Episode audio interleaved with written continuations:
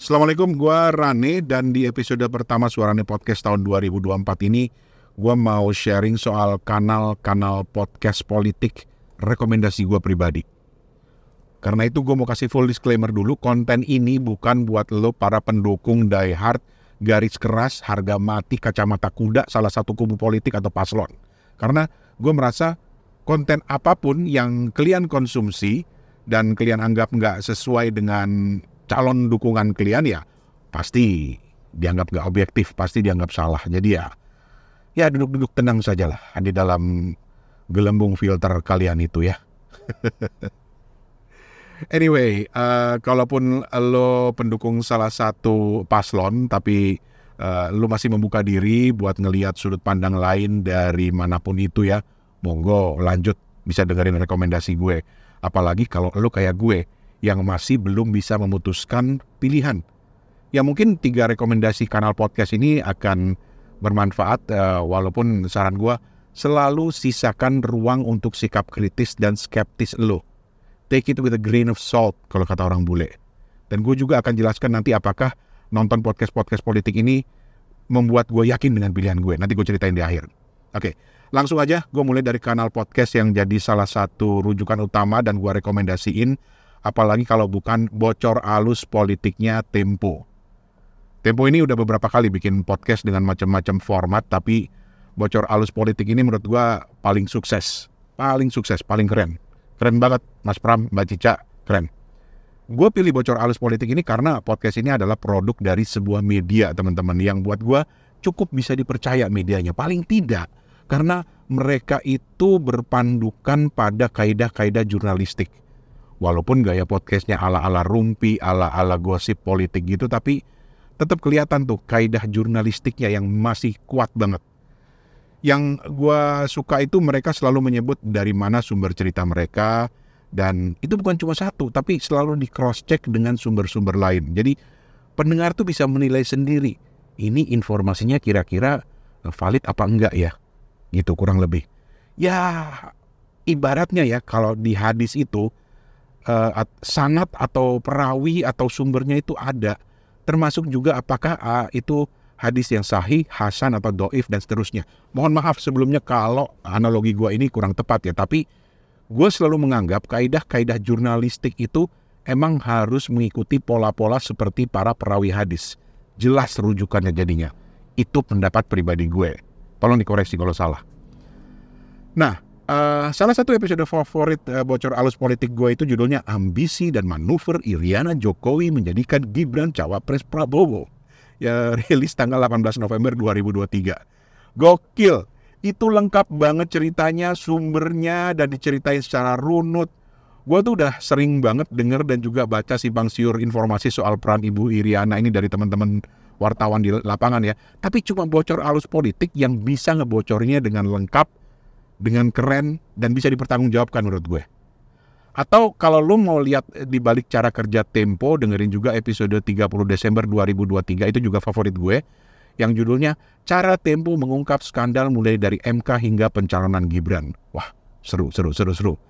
Ya, mulai dari cara deketin narsumnya sampai kekhawatiran-kekhawatiran yang muncul akibat konsekuensi kekepoan para jurnalis ini semua diungkap dan ya ini ini jadi subjektif ya pilihan gue ini karena emang salah satu hal yang sangat mengganggu gua di keramaian tahun politik kali ini adalah ya emang kasus MK dan juga kasus Mas Gibran yang melibatkan Mbak Iria, eh Bu Iriani, Bu Iriana kok Mbak.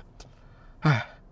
Teman-teman bocor alus itu ada di Spotify dan YouTube, tapi gue lebih suka versi YouTube karena mereka memaksimalkan fitur chapter yang kalau lo nggak punya banyak waktu, lo tinggal klik bagian-bagian mana yang lo mau dengerin di aplikasi Spotify versi handphone juga ada fitur kayak ini tapi kok nggak dipakai ya?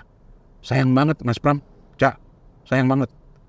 Anyway kita lanjut ke rekomendasi kanal podcast politik gue yang kedua. Ala gue ya. Ala gue. Ala subjektivitas gue. Nah teman-teman lagi-lagi ini mungkin subjektif ya pilihan gue kali ini. Makanya tetaplah pertahankan sikap skeptis lu sebagai konsumen media. Jangan mau telan bulat-bulat siapa pun dia, apa pun itu komentarnya. Oke, rekomendasi kedua ini mungkin bakal bikin rame ya, yaitu Keep Talking bersama EF Saifullah Fatah pengamat dan konsultan politik yang baru bikin kanal podcast. Cie. Sampai di sini mungkin ada yang bakal bilang, woi, woi, woi, EF itu konsultannya si ini atau si Anu. Dan ini mungkin cara untuk bilang dia itu nggak objektif bro. Tapi oke, okay, gue setuju. Tapi coba deh, sempetin denger dulu salah satu episodenya Mas EF. Belum banyak kok episodenya. Dan ciri khas uh, EF atau Kang EF kalau ngomong itu emang kayak dosen kalau lagi ngajar. Gue dulu juga pernah kok jadi murid dia waktu dia masih jadi asdos. Tapi Justru itu menurut gue nilai tambahnya EF di situ. Dia bisa cerita dengan runut dan juga memberikan alasan yang kuat untuk mendukung opini atau pendapatnya. Gitu. Susah untuk berpikir bahwa gila ini orang nggak nggak objektif banget. Karena dia jelas banget. Ambil contoh episode perdananya aja deh. Judulnya Memakzulkan Jokowi. Kuat alasannya, jelas caranya. Tapi bisa sukseskah? Oke sebelumnya Kang. Kepanjangan judulnya Kang. Pendekin aja kayak kenapa saya dukung pemakzulan presiden gitu. ini judulnya agak-agak ngeri nih. Tapi teman-teman di episode perdana ini EF itu runut banget jelasin alasannya mendukung pemakzulan Pak D Presiden yang bukan cuma urusan etika kata dia, tapi juga mulai dari pelanggaran UUD 45, kenapa putusan MK jadi bukti terjadinya nepotisme, sosok-sosok yang mempermudah dan mendapatkan keuntungan, oh, undang-undang yang terkait, dan juga mendukung uh, pemakzulan itu. Juga dia sebutin juga kenapa ada pelanggaran sumpah presiden di situ bahkan dia juga menjelaskan bagaimana pemakzulan itu bisa dilakukan yang menurut Kang Eep nggak mudah karena semua dijelasin uh, prosedurnya ada prosedurnya mulai dari DPR terus ke MK terus ke DPR lagi ke MPR kemudian berapa komposisi para wakil rakyat yang harus hadir berapa lama prosesnya bagaimana pembelaan presiden, semuanya itu butuh waktu. Jadi semua prosedural dan sesuai dengan konstitusi. Nah ini jarang kita disodorkan penjelasan yang begitu lengkap. Kita mikirnya pemakzulan turun presiden gitu. Nggak banyak yang tahu bahwa perlu waktu yang panjang. Sampai-sampai teman-teman dia membandingkan bedanya dengan pemakzulan Gus Dur, bahkan juga pemakzulan Pak Harto yang menurut EF itu bukan pemakzulan ya. Dan dia juga membandingkan dengan kasus-kasus di negara lain dan bagaimana sih peluang pemakzulan terhadap Pak D Jokowi yang tinggal beberapa bulan lagi gitu. Ya emang sih uh, ada yang nggak suka gayanya terlalu kaku kayak ngasih kuliah terlalu serius. Oke alasan yang terakhir ini buat gue agak lebay sih kalau dianggap terlalu serius karena uh, ini subjektivitas gue ya. Menurut gue ada kalanya kita harus melek politik dengan gaya konten yang seperti ini yang untungnya nggak panjang-panjang amat. 14 menit men, gokil. 14 menit kita berasa dapat kuliah ilmu politik yang padat dan daging banget. Ya mungkin Kang EM juga sadar kalau lebih panjang dia bakal benar-benar ngebosenin ya. Itu perlu lah sekali-sekali ya.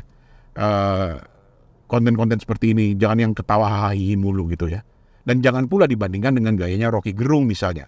Don't get me wrong ya, Rocky itu pinter, tapi menurut gue dia sadar kamera banget. Itu cuma yang gue mau bilang. Dia sadar audiens banget, dia sadar kamera banget konsekuensinya ya jadi seperti yang lu lihat di layar-layar televisi itu menurut gue nah satu hal lagi dan ini gue sering banget debat dengan beberapa temen.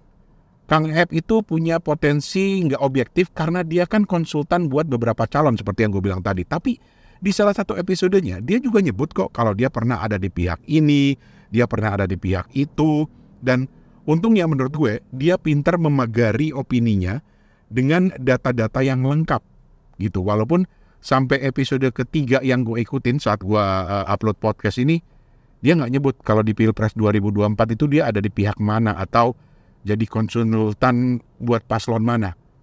Ya koreksi gue kalau uh, salah ya. Dengar-dengar sih Kang Ep lagi bantuin paslon nomor uh, nungguin ya. Nggak ah Japri aja Japri Japri. Udah banyak kok yang tahu dia ada di paslon mana. Menurut gue. So again, tetap jaga sikap kritis dan skeptis kita saat menyimak konten Keep Talking ini dan juga konten-konten lain ya. By the way, ada yang tahu nggak artinya Keep Talking? Agak garing sih menurut gue. Itu singkatan dari Kang EF Talking alias Kang EF bicara. garing agak nggak? Tapi oke oke. Garing-garing itu biasanya yang jadi jadi rame. oke. okay. Dan sekarang terakhir, terakhir. Udah panjang nih gua mau yang rekomendasi berikutnya karena sekarang gue mulai intens dengerin podcast Total Politik. udah sering dengar tapi baru mulai masuk radar gue itu gara-gara kebiasaan stok bocor halus gue itu udah habis udah gue dengerin semua dan di situ gue udah mulai nyoba total politik. Dan total politik ini ada di YouTube dan juga di Spotify ya. Gue lagi rajin belakangan ini dengerin walaupun udah lama uh, dia ada gitu ya. Jujur gue rada ribet sih milih uh, podcast politik ya. Total politik ini juga uh, gue pilih karena gue suka karakter hostnya si Ari Putra dan Budi Adiputro mereka itu jago banget dan percaya diri ngimbangin tamu-tamunya yang politisi kelas-kelas kakap semuanya. Itu juga nilai lebihnya. Tamunya keren-keren. So, asli gue penasaran pengen tahu siapa mereka. Kalau lihat websitenya ada beberapa nama yang familiar buat gue, termasuk Bambang Harimurti yang jadi penasehat. Oke, okay. Mas BMH, oke okay deh. ya, jujur sih gue belum banyak bisa cerita soal total politik ini karena baru ngikutin satu, uh, dua episode ya tapi initial review gue, review awal gue itu kayak begini nih. Sebagai sebuah show, sebagai sebuah pertunjukan, total politik ini lebih bagus dibandingkan dua podcast yang gue sebut sebelumnya. Sebagai show politik ya, sebagai show politik. Apalagi karakter hostnya yang buat gue kocak gitu ya, si Ari gitu ya. Tapi ya baru sampai di situ dulu deh eh, review gue. Gue coba nonton yang lain dulu, tapi gue udah berani rekomendasiin buat uh, kalian semua. Menurut lo gimana total politik? Terus, apakah podcast-podcast politik favorit lo ini uh, berhasil menambah keyakinan lo untuk nyoblos siapa di tanggal 4 Februari, 14 Februari nanti? Share di komen ya. Buat gue pribadi, ini terakhir, buat gue pribadi, sejauh ini sih gue akhirnya untuk uh, soal politik, soal pilpres ini gue udah cukup yakin. Bahkan udah nyaris sangat yakin, yakin untuk nggak milih yang mana.